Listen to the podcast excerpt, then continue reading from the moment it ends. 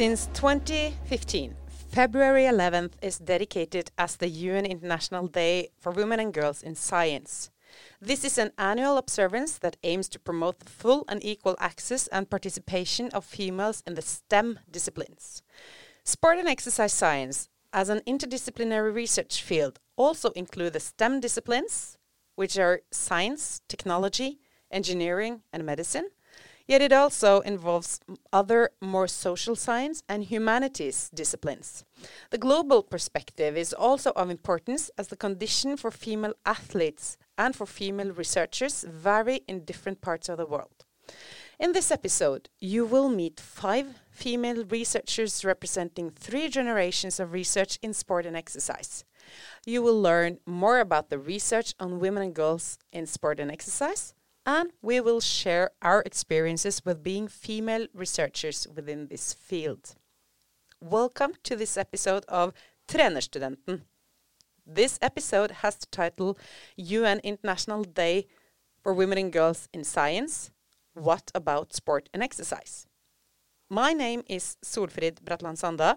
I am a professor in exercise science and physical activity and health at University of Southeastern Norway, Campus Bø in Telemark, and I have been a researcher for almost 20 years.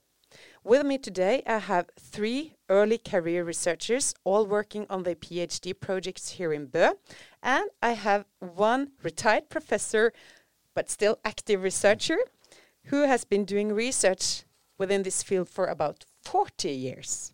The PhD students are Zohreh Abdhollakhani from Iran, Eirini Pardali from Greece, and Kyra Angerer from Germany. And our retired professor is Gerd von der Lippe from Norway. Welcome. Thank you. Thank, Thank you. you. First, I wanted to start with our experiences with uh, doing research on female athletes and on women in sport and exercise. And uh, Gerd, um, you experienced early as a female athlete on international level that there was discrimination of female athletes. Can you both tell us about your experiences as a female athlete in the 60s and can you tell us briefly about your experience on research on this topic? Okay, I've been at the national team in track and field from 1960 until 1970, before all of you were born. and I experienced that first, the women's team, we got less matches uh, with other countries and we got less media attention and we got less money. So once uh, I had to go to Oslo, I had to hitchhike. Uh, but when I told the leaders, oh no no, then we then I got uh, money to take the train. And so during the sport, I really felt discrimination uh, because we talked about it, the women together. And so when I decided to become a researcher, that was my first aim to know more about because when I was interviewed, I, I can only tell about myself. So then I started to focus on other sports than track and field because it could be more neutral for people who uh, were reading it. And so I started at first uh, about media. Uh, I looked at that time, it was paper uh, media. So I looked at how much they wrote in the biggest newspapers in Norway about male and female in different sports. And it was so obviously when I started in the beginning of the 70s that men got most coverage. And then later on, as Solfrid said, some sports were not discriminated on either in the sports federation or in the media. And then I started to look at other countries Germany, Denmark, Sweden, Italy, England, and it was the same. They were a little bit backwards at that time. So we had women's groups, women's scientific groups in all the countries. And that was so good because then we decided to be a group arranging conferences uh, with uh, people from the United States as well. And still, we started in the 70s, and still today, we have this group. So if any of you want to know anything more about it, for example, you, Soraya, you, you are welcome, all of you. That's good. Um, and also, uh, we will talk more about your experiences uh, uh, as a female researcher. Um, but uh, but uh, moving on to to Zohreh, um, because some of what you are saying, uh, Gerd, is that uh, also there there has been some changes uh, during the years you have been doing research on this. Uh, but some places and some sports are still um, at the same yeah. level that that this and and it's discrimination is is present. Mm. Um, and for instance, uh, uh, one one very um, recent focus, at least here in Norway, is that female uh, athletes experience that the coaches doesn't have knowledge about, for instance, their menstrual status and how the menstrual cycle uh, affects exercise and performance, and and the experience uh, the the female athletes experience that they they don't have equipment um, that that is um, uh, adapted uh, to mm. or tailored to to the female body or to the female foot. For instance, there was a, a um, an international uh, female football player saying that she had to play uh, with with football shoes that were uh, tailored to the male foot instead of the female foot. So th these and there's also, as you said, there's gap in salary and money still. Um, and moving from from Norway in in the 60s to to Iran in in the 2010 2020ish, uh, Zohreh, you have uh, experience as a female athlete. Um, and and uh, you're from Iran, uh, which Iran, uh, which is a country uh, where women's rights and human rights have been in the spotlight for the past month. Um, can you tell us about your experiences with being a female athlete competing in ice climbing, and and can you tell us about your research on female Iranian athletes?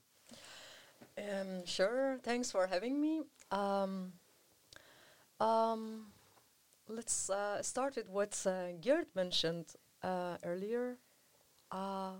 I sometimes feel that we are yet living at 90s, of Norway yeah. in terms as a female athlete because what I experience are very similar to what Gerd experienced at her age. And I sometimes think that I have tons of things in common with Gerd, with anyone else mm. in my age here in Norway because I just feel that this is the same. We are struggling with the same things that Norway struggles like 40 years ago. And it is painful because, specifically because of sports is supposed to be a platform for gender equality, blah, blah. So you start asking yourself, is it real? Because, for example, in engineering, you never say that engineering is the platform for gender equality. So, if I am discriminated in engineering, engineering not supposed to be some platform for something, but then when sport is supposed to be a platform, then you start asking, what is the problem? Mm. Is it the problem with the sport? Is it the problem with sport governing bodies? Is the problem with the mechanism, the policies? Or is it the problem with checking how this policy is, is going on? Or is these policies set according to each nation's culture and background, or are they just having policies, sending it over to all of all of the countries and expecting that they follow that instructions? So this leads to my PhD hmm. project. I was asking myself, International Olympic Committee has gender equality review project, but that project is exactly the same for Iran and Norway. Hmm. And how do they expect that Iranian National Olympic Committee and Norwegian National Olympic Committee respond to the same policy like each other? So this was the story of my PhD based on what I experienced as an athlete in Iran. Hmm. And can you tell us more about? Uh, have you done some data collection in your uh, uh, PhD project yet? Can you can you tell us a bit about that? Um, fortunately, USN supported me a lot because it wasn't easy to uh, data to do my data collection at Beijing Winter Games because Beijing was a kind of specific Olympics due to the COVID situation and everything. And I managed to do my data collection in uh, Beijing where I was shocked because when you interviewed female from all different countries and you are from Iran, you expect that the experiences that you had should be different with the experience of a woman from Germany or a woman from Greece or a woman from Norway. But then you interviewed them and you say, oh my God, why should they experience the same things? Hmm. I didn't expect that. Why should we fight for being a national coach as a woman in Iran? And yet, the percentage of national coaches in Olympics is 30%, 13%. Hmm. Hmm. So you start asking yourself, why? For example, I ask myself why it is more difficult to be a national ski coach female, national ski coach in Norway, than to be a minister of something in Norway. What is wrong with sport that politicians reach way further than, for example, a sport or in other fields? So that was a kind of a shock hmm. that I didn't expect. Of course, the form of discrimination you experience is different by your country, but yet there are some similarities that need to be researched and need to be considered for f- future policies. That's um, yeah. You you think that the sport should be in the forefront, as you say, and and yet we are kind of uh, hanging lo long in the back. Yeah.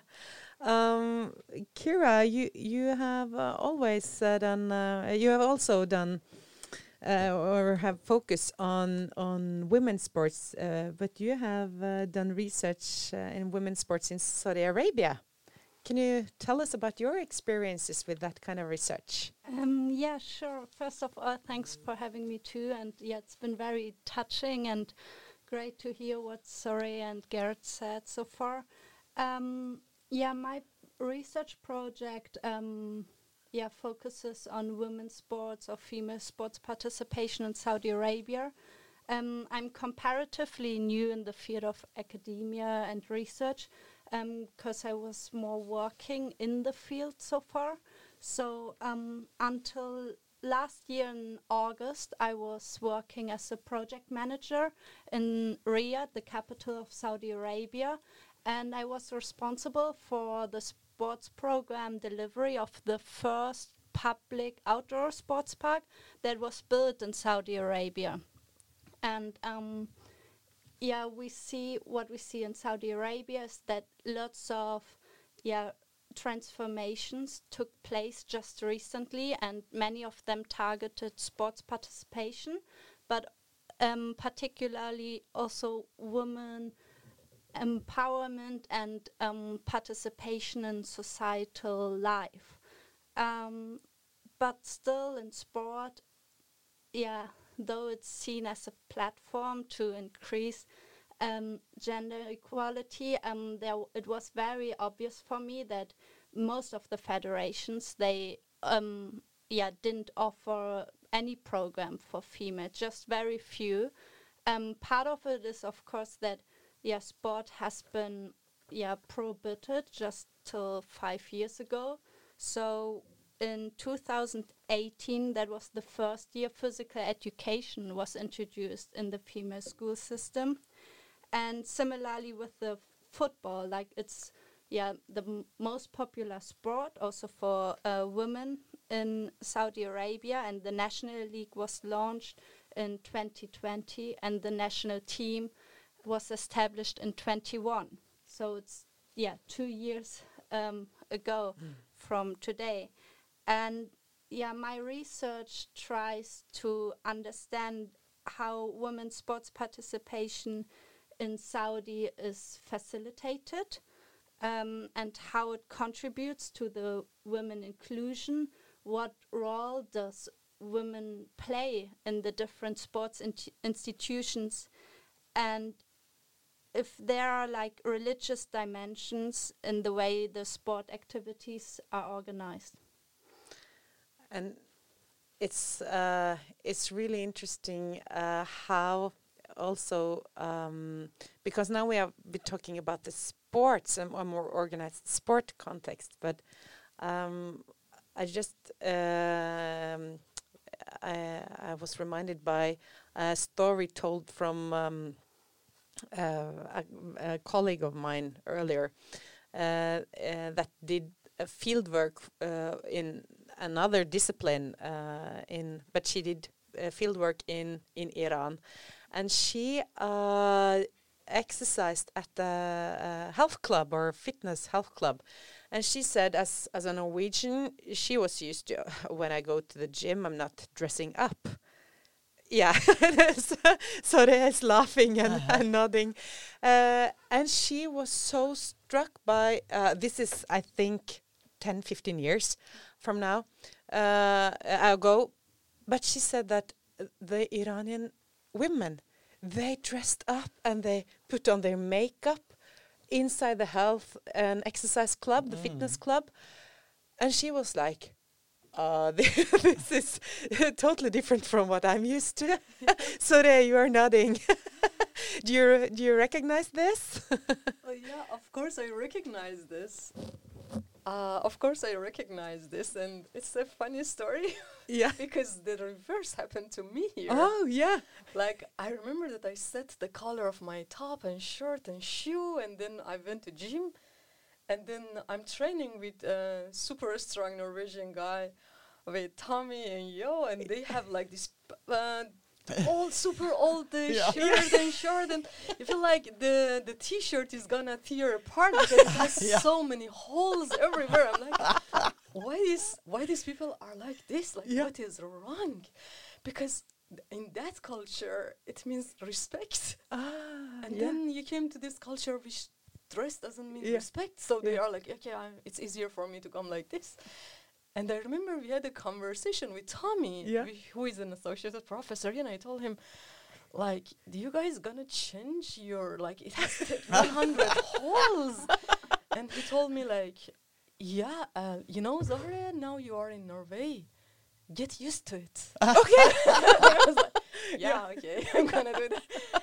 But I can see the shot. Yeah, it's it goes two ways. Yeah, yeah, absolutely, and that's uh, that's also interesting that uh, the arena for doing exercise and physical activity can mean something different also in for for women uh, in in different parts of the world. Um, I wanted to to move on to um, from the athletes and, and, participation in organized sport um, to more females in, in general because we know that uh, physical activity levels decline more in female adolescents compared to the male adolescents. And we also know something about how the programs for implementing school-based physical activity. We know that school school is is considered a very important arena for um, implementing um, physical activity and to reach the the goals of uh, World Health Organization. For uh, they have a, a, goal to reduce uh, physical inactivity with uh, fifteen percent within 2030. Um, but but these uh, school-based physical activity programs uh, does not always take gender that well into account. Um, and Eirini, you you are doing a PhD project on on pupils' voices. Uh, in school-based physical activity. And what are your perspectives on gender in this context? Uh, thank you, Solfrid, for uh, inviting me here and uh, asking me this question. I think I'm learning so much from uh, the participants here from Norway and uh, Saudi and Iran. Um, you all have so much experience in sports, and this is um, so important for me to learn about the backgrounds and your work in the sports. Um, my PhD, I have a background in psychology and child studies, so a bit different than sports, uh, but my PhD focuses on pupils' experiences of physical activity in the school based physical activity programs, where I specifically look uh, into the age differences, where the physical activity levels decline and the pupils' involvement in the programs. These programs that you have mentioned, uh, Solfrid, they take place in numerous schools because schools are an incredible arena for reaching out to um, all the pupils and uh, they target to make pupils active throughout the school day and make lessons less sedentary. Uh, but as you said, they might not take gender into consideration. And uh, uh, the research shows that not only youth are not meeting these recommended PA uh, physical activity levels, but gender differences are also present. And according to the World Health Organization, more than 80% of the adolescent population is insufficiently active uh, meaning that they do not meet the recommendations for 60 minutes of moderate to vigorous intensity. And globally, um, unfortunately, girls are less active than boys, and there is a more pronounced decline in physical activity during adolescence in girls than in boys. Uh, in my project, I have uh, programs that I compare in two countries, in Norway and Estonia and I'm originally from Greece, so I'm also interested into seeing the physical activity levels of boys and girls in all these three countries. And um, I can present some um, facts about it just to see the differences and the decline, which can um, be worrisome. Uh, so in Norway, and if we take the 15 year olds, uh, we see that 40 percent of girls and 51% of boys satisfy these recommendations. When it comes to Estonia, which is the uh, comparative country in my project, we see that 16% of boys, so it's a big, big difference than the numbers in Norway, and only 11% of girls fulfill this recommendation. And latest uh, data in Greece uh, so that 17% of boys and only 9% of girls in the 15 year olds uh, satisfy these recommendations. And this is worrisome uh, because when physical inactivity continues into adulthood, it can bring a higher risk for obesity and cardiovascular diseases. And um, we see that the multi component programs, as you mentioned, do not take these gender perspectives into consideration as much, or there is a long way to go, actually. So, um, of course, there has been some research in the latest uh, years that have seen uh, that there are numerous factors that are associated with girls' disengagement in physical activity. And some of these factors are a bit uh, more detailed when it comes to girls than in boys. So girls can feel uh, self-conscious about their bodies. Uh, they can have a lack of motivation when it comes to physical activities and participating in sports. They um, see maybe that they're not competent enough to take part in the physical activities.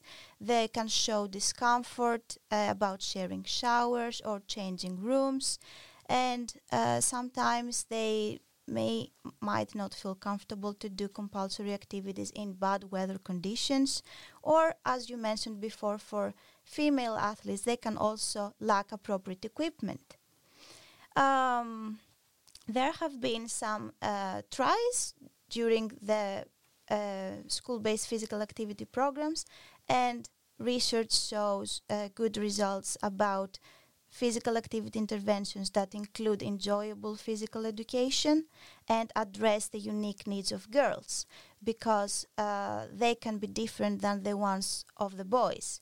And peer relationships have also shown good effects uh, because they provide social support to girls that they have a lot of need, especially when it comes into adolescence.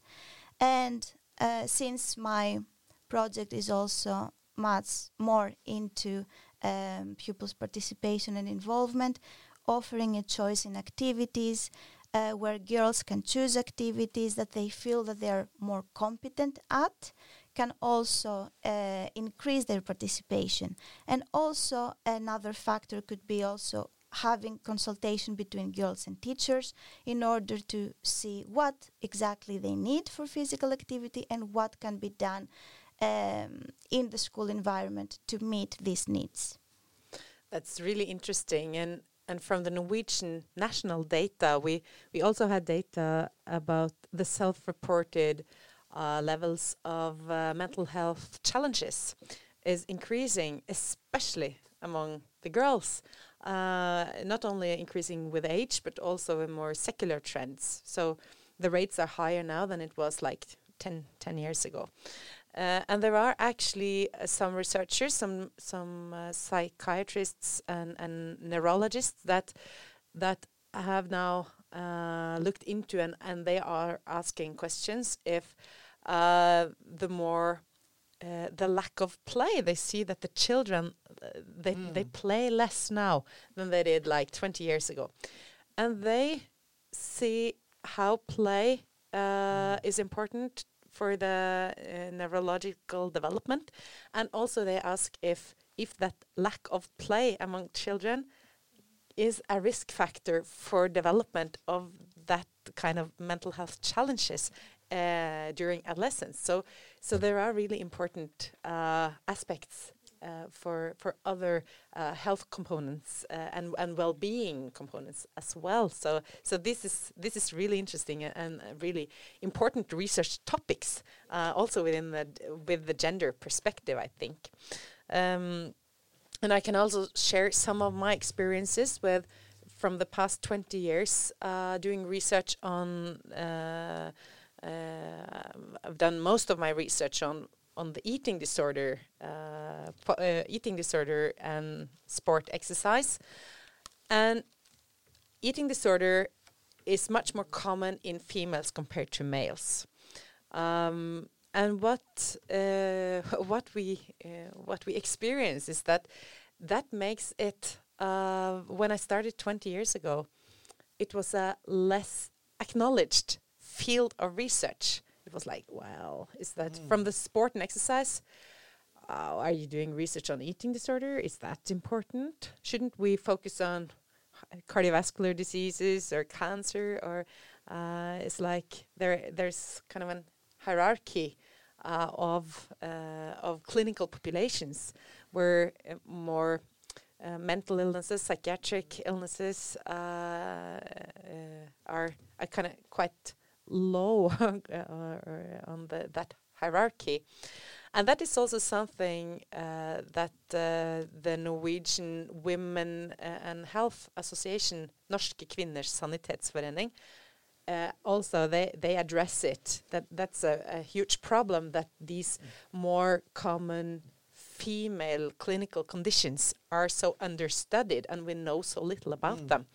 Uh, and that is also something that we see into sport and exercise that that due to uh, previously focus on uh, on the male populations. And i remember one one uh, colleague of mine said that if male athletes menstruated we would not we would have known about the menstrual cycle and how it affects um, performance. We, we would have known that half a century ago. but but, uh, but since that is not the case uh, for males, it hasn't been a priority in in research either. Um, but bringing us over to more of our own experiences as being female researchers. Um, uh, Gerd, you have uh, more than 40 years of experience. I have 20 years of experience, and we have our three early career researchers here. So, so we're kind of representing three generations of uh, researchers within sport and exercise. So, Gerd, uh, can you please tell us about your experiences? As, of being a female researcher in academia? Yes, when I started to do research in the beginning of the 70s, I focused on sport. And that was the bottom of the hierarchy. Sport. Why don't you do about society and about um, school? S sport. And then I did uh, research on women's sports. So it was the bottom of the bottom. yeah. And even uh, it was not a university at uh, that time, it was a college. And then people from other sec sectors, whoa, you do sport and you do, are you a feminist? and so I knew uh, individual people. I knew a man. Uh, he was sports um, history, and I'm sports sociology and history. And he said, "Come to my lectures and tell about it." He was really open, mm. and so I got one friend.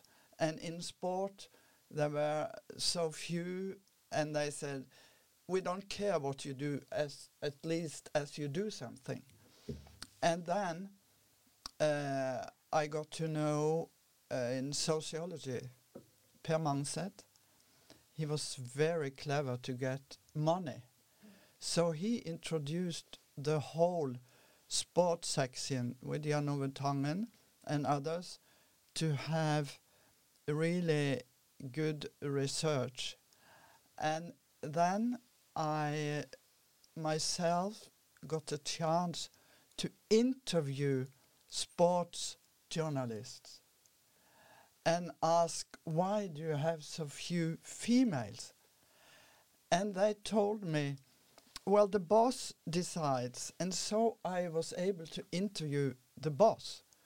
And i had a student's course uh, on media for uh, hovedfag well. Yeah, uh, for the masters yeah, level. for the masters. Yeah. And then we went together to Oslo with the students. And then the journalist really liked them to interview them. And they did this because I had been a top sports woman myself. So you had to have some kind of credibility. And then I was able to interview Marit Breivik, which was a fantastic female coach for handball. And before Norway got a gold medal in the international uh, competitions, she got so terrible media co uh, coverage. Oh, it's just a woman's thing they are discussing, and they are not fighting like men footballers and I really had a lot of examples to show the sports people, and they hadn't looked upon themselves from the outside. So it changed first, not because of me, but when Norway in 1998 won a gold medal in the European uh, Championship, and then in 1999 uh, Norway won the first gold medal, and I looked at it, and it ha they had to have four extra sessions to decide, and the king was there, and then he it was a wave like the king went up where he was sitting, and then on the other side we went up and waved to the king and waved to the players. So it was really great. And it changed uh, because I had money to interview people. Well, I think I should stop now. I have so much to tell. and you must. yeah.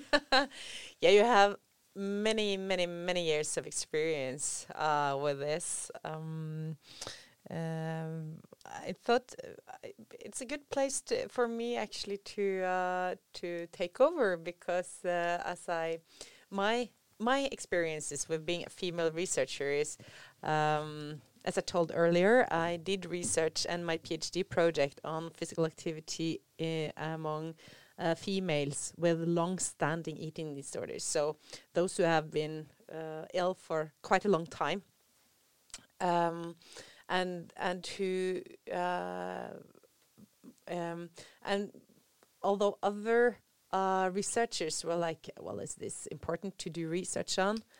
Uh, the the women I did research on and the women I talked to uh, kept me. Uh, they really inspired me because they were so uh, grateful that someone looked into this, because I I was among the first who looked into uh, physical activity as a symptom uh, of the development and maintenance of eating disorder, and in the clinical field it was. Um, uh, it was kind of a myth that while we know for uh, we know that they exercise only to burn calories, uh, and we we think that this is kind of the most uh, well, it, this is one of the least severe symptoms. So, so uh, it's more important to deal with the other uh, uh symptoms of the eating disorder, and then the exercise will adjust itself. That was kind of the the uh, clinical opinion and myth in 2005 when I started this.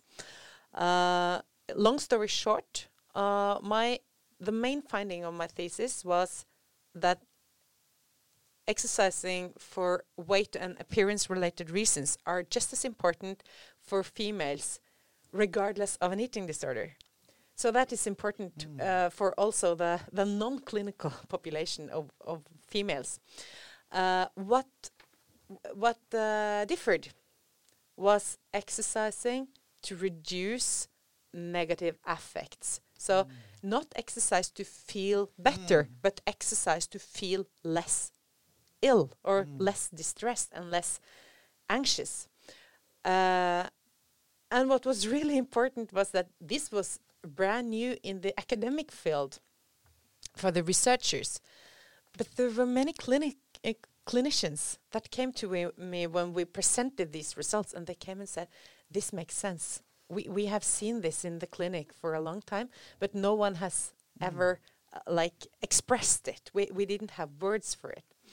And what we also found was those uh, women that were admitted to treatment uh, and had uh, uh quite, you know, struggle with exercise.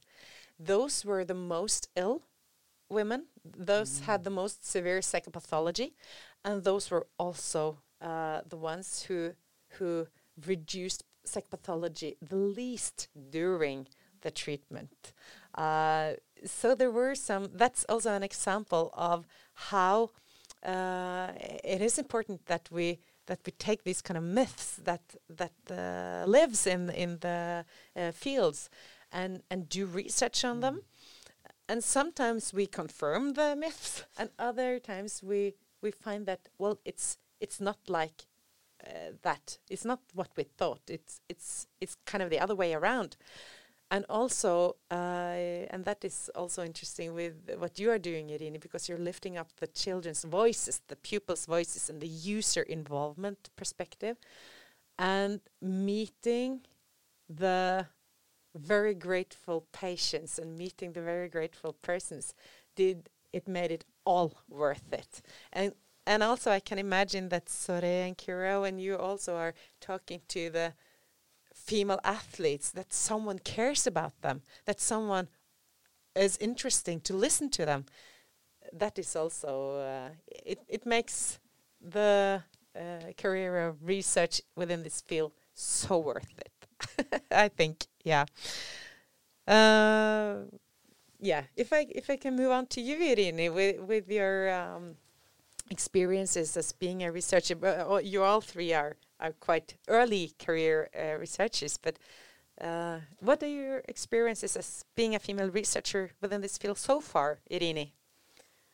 Um, yes, thank you. Um, so I have uh, started my PhD um, for two and a half years now. So I, of course I'm an early researcher in academia, and I'm fortunate to to do my PhD in Norway um, because I can see uh, coming from Greece, where of course I haven't started, of course my P- my career, my researcher career there, but I have uh, lived and worked, uh, so I can see some differences when it comes to um, uh, the job and the rights, and as a female especially.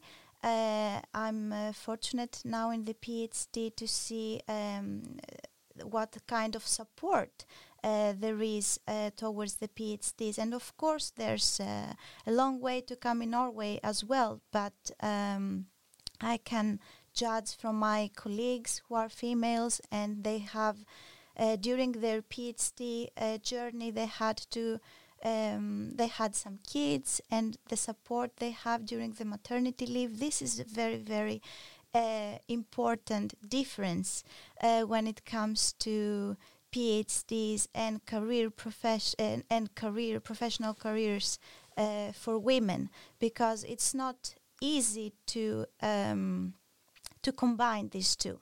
And when you have the suitable tools and services that can follow you, then it gets easier or it get it gets more doable. Let's say.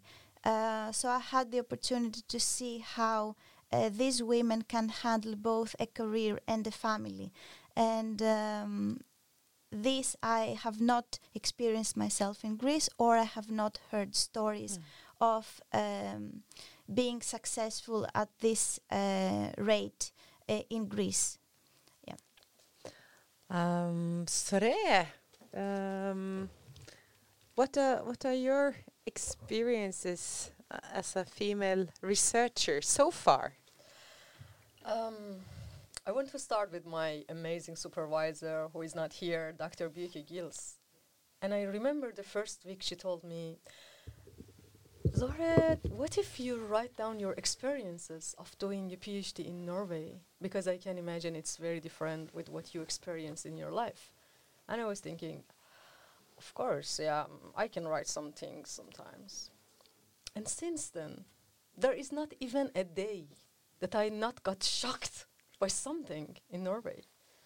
And I was telling her like, thank you so much, Bieke, for your amazing suggestion, but I think that should be like a huge book. yeah. Because it is just so different, right? Yeah.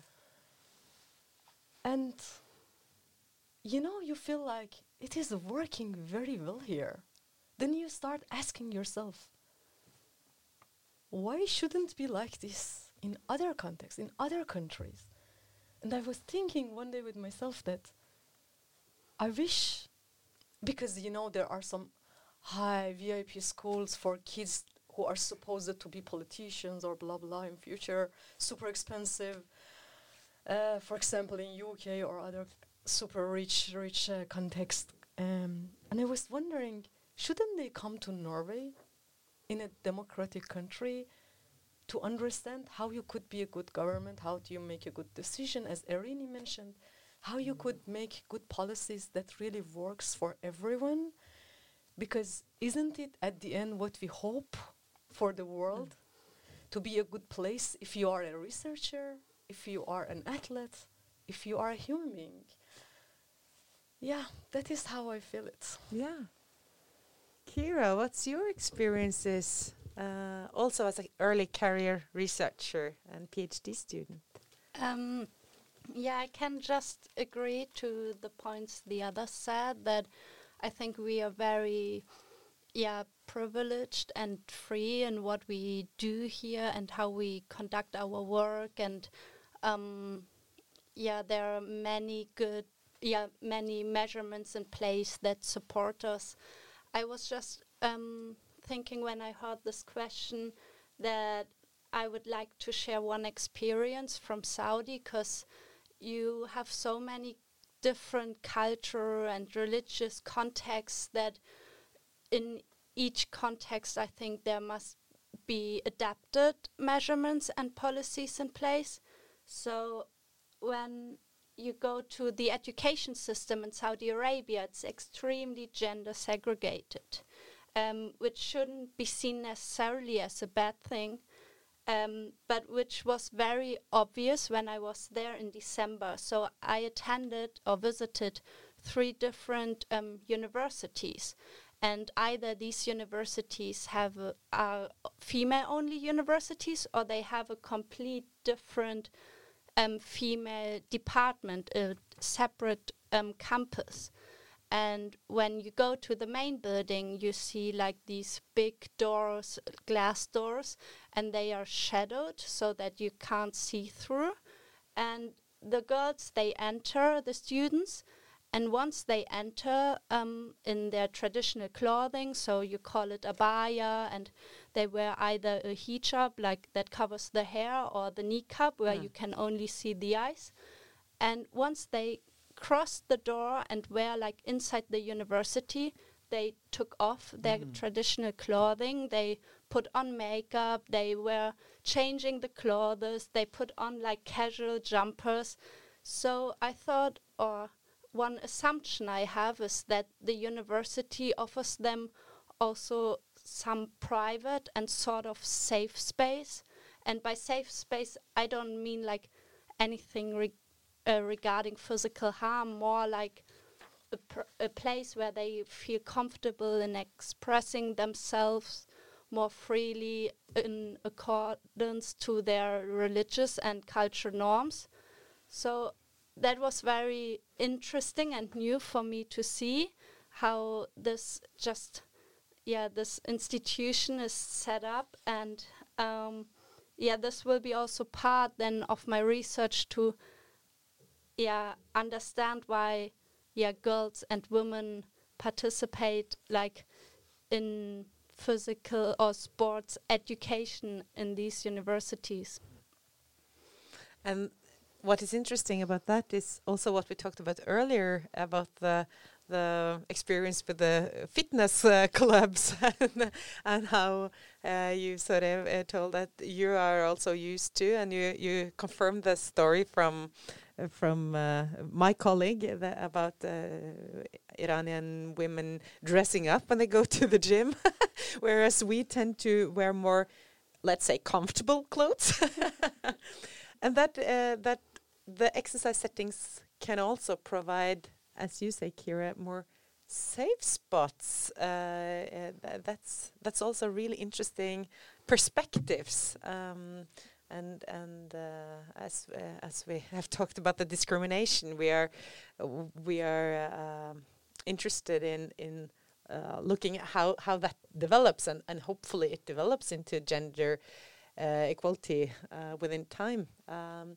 but can we, with that development, also keep uh, those positive things like that uh, exercise arenas can be safe places and safe spots? Uh, so those are really interesting um, topics for the future. Um, Gerd, being into this field for so many years, what are your hopes for for the future of uh, women and girls in sport and exercise science? Well, uh, there need to be uh, professors and teachers who cares that it's important for both sexes, or now we talk about several Mm. sexes. And because if you just decide it on a top level, it could mean nothing. It has to go to the people who are there working. So we need to have this subject in the curriculum Mm. really from the bottom, first year. And then it's important to have discussions with the students because I've been teaching about uh, equal rights and uh, gender first year, and then some female students feel they don't feel so good. Why should they talk about us?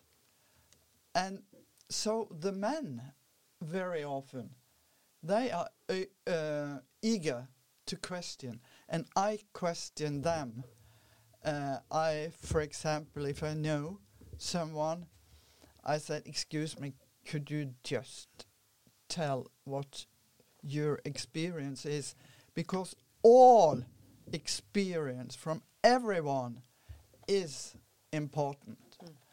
And I have a feeling that it's easier to do research on very different subjects now, but it's not easy to get money. Mm. So you really dig down. And, uh, well, money should not be the most important thing because now a lot of people, a lot of governments, we need money for, you know, everything. But I, I am optimistic as a type. Hmm.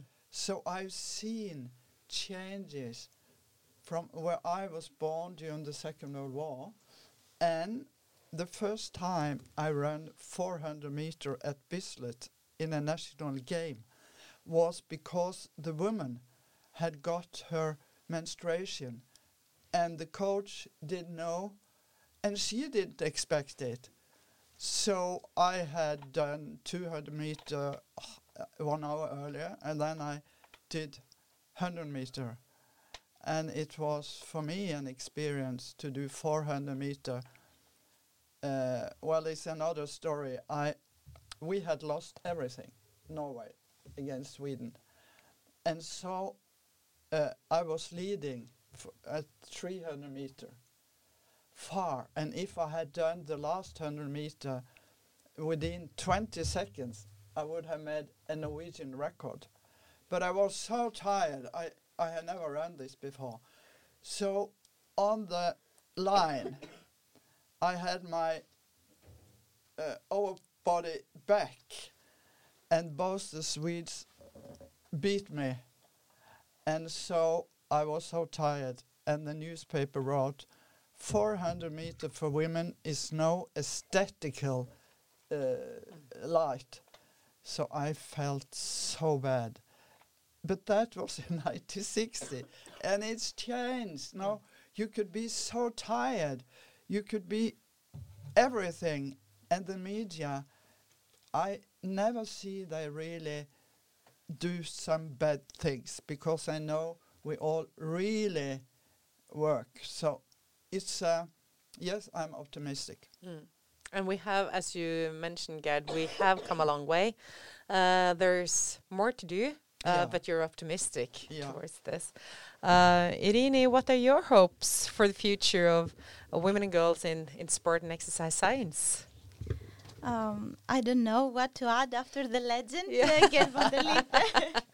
that was a fascinating story. Of course, I knew about Yeah. it, but now I learned more about the details of that and the backstories. Uh, but my my hopes when it comes to girls and exercise, my hopes and dreams are all focused on how to get girls active from an early age.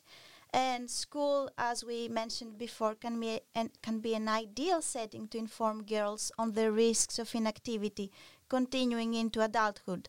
Listen to them about their needs in physical activity and provide activities that are diverse and interesting, taking into consideration the complex realities of adolescence. Uh, I've also uh, wanted to see how uh, women are uh, women researchers are represented and i stumbled upon some data uh, from unesco that i didn't expect. And um, they mentioned that there is uh, less than 30% of the world's researchers being women. And how can we make this higher? Uh, there are when when it comes to research and publishing, there are some uh, tries from editorials in journals that encourage women scientists to submit manuscripts as the first or last author.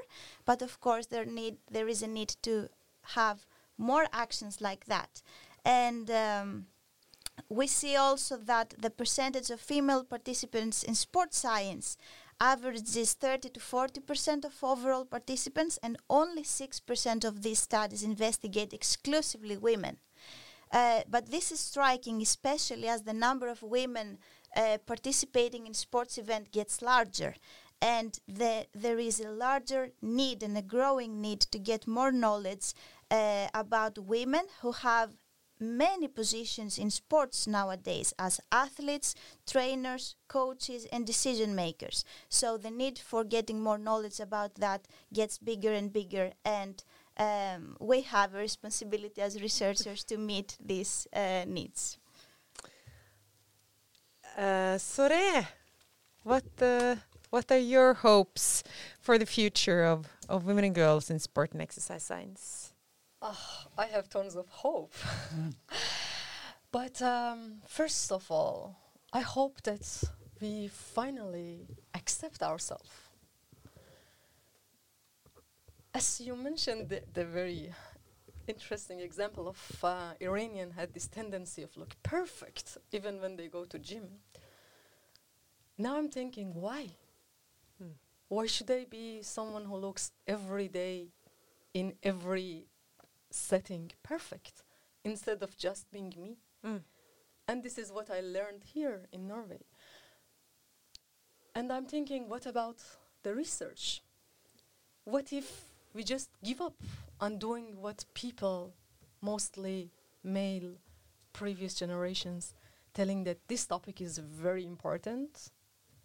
For example, it's very important to do a study on the three week power training for men and not the three week before being in your period, Mm. before a competition. And as you mentioned, such studies are not many. And what if we just accept the fact that, okay, this is my body in a sport, and there should be tons of more studies on it? Let's start from here. I'm not here to continue what you taught 100 years ago. I'm here to accept who am I and my body with all its power and limitations. And then I'm asking myself if we as women don't recognize it, how could we expect men to do that? And that is what I'm learning with my female supervisor as well. So, as Gerd mentioned, it is very important to have women in these positions mm. because they experience it. They know the feeling. They know how to ask the right questions. And those right questions can lead to right funding for right project. And look at us here. There is a female successful professor who gathered all of us to discuss it because she knows the story, right? And this is so precious. I hope this be more and more in future. Oh, thank you, uh, Zohreh. Kyra, what are your hopes for the future of sport and exercise science and women in sport and exercise science? Um, yeah, I think we touched so many valuable and extremely important points today. And yeah, f- first of all, we have yeah the platform of sport, as we said, to yeah utilize it for yeah cross-sectional um, topics, gender equality, but health promotion, increased physical activity, and I think yeah, this is the one hand, but on the other hand, I th- believe that through an involvement in sport, whether it's as an athlete, as a coach, manager, but also as a researcher, sport and yeah, this engagement kind of develops your personality. It shifts your personality. You develop like life skills. You become more determined, you become a team player, you um, enhance your resistance. So, all these things are not only developed thr- because of sport, but sports contributes to it. And I think we, if you look in our around here, we are extremely smart and um, yeah empowered um, women, strong women, and I think we are extre- extremely blessed. And my hope is that we can contribute by our research um, to yeah enhance this participation in sport in the all the ways I mentioned. Um, that yeah even more um, girls and women benefits from the positive impact sport can have. I think uh, you have very. Uh, it's so nice to hear that we are all hopeful and optimistic about the future. And uh, I also uh, want to end with, uh, like you, uh, Zohreh, um, express gratitude towards Bike Gils, uh, who is not able to be here, but but she's your supervisor and she's an associate professor at um, at our university. Um, I also I, I, totally agree, and I, I also want to acknowledge my uh, supervisors uh, during the during my PhD. I I had uh, one female uh, main supervisor, uh, Professor Jorunn Sundgot Borgen. Yeah. She was really important Yeah. for me, um, and she still is. We still collaborate, and I learned so much from her, and she shares of her knowledge and of her experiences um, and and being a woman who kind of led the way as you also did Gerd and to share that knowledge with the women coming after you uh, instead of instead of uh, uh, pulling the ladder up after you uh, you are guiding us uh, and help us to to um, achieve uh, also what what you did. So, uh, so also for for me, uh, Jorunn, my supervisor, was she was extremely important to me then, uh, and she still is. Um, and and I got two children during my PhD uh, period, and the way she supported me in that. Uh, I, I know stories of female uh, PhD students having male uh, supervisors mm. who, uh, if I can say it like this, uh, um, not approve that they become pregnant, and because that's more of considered more of a hassle and okay uh, but but uh, sh she was the way she was supportive of my also family life was so important for me, and that uh, that uh, those are are values that I also want to to take with me to my PhD students and to to uh, to my colleagues because I think it's so important to to acknowledge that and, and value that we are more than researchers. we are individuals uh, living our mm. lives uh, and and to do that in a sustainable way. I think we need to to have that kind of focus. And I'm very optimistic that that will be uh, uh, um, a focus also in the future. Thank you so much, Gerd, Kyra, Eirini, and Zohreh for taking your time to come here and to talk to us, uh, to talk to me. Uh, and I want to thank you for this very uh, nice conversation. I've learned so much from listening to to all of your stories and experiences and and hopes.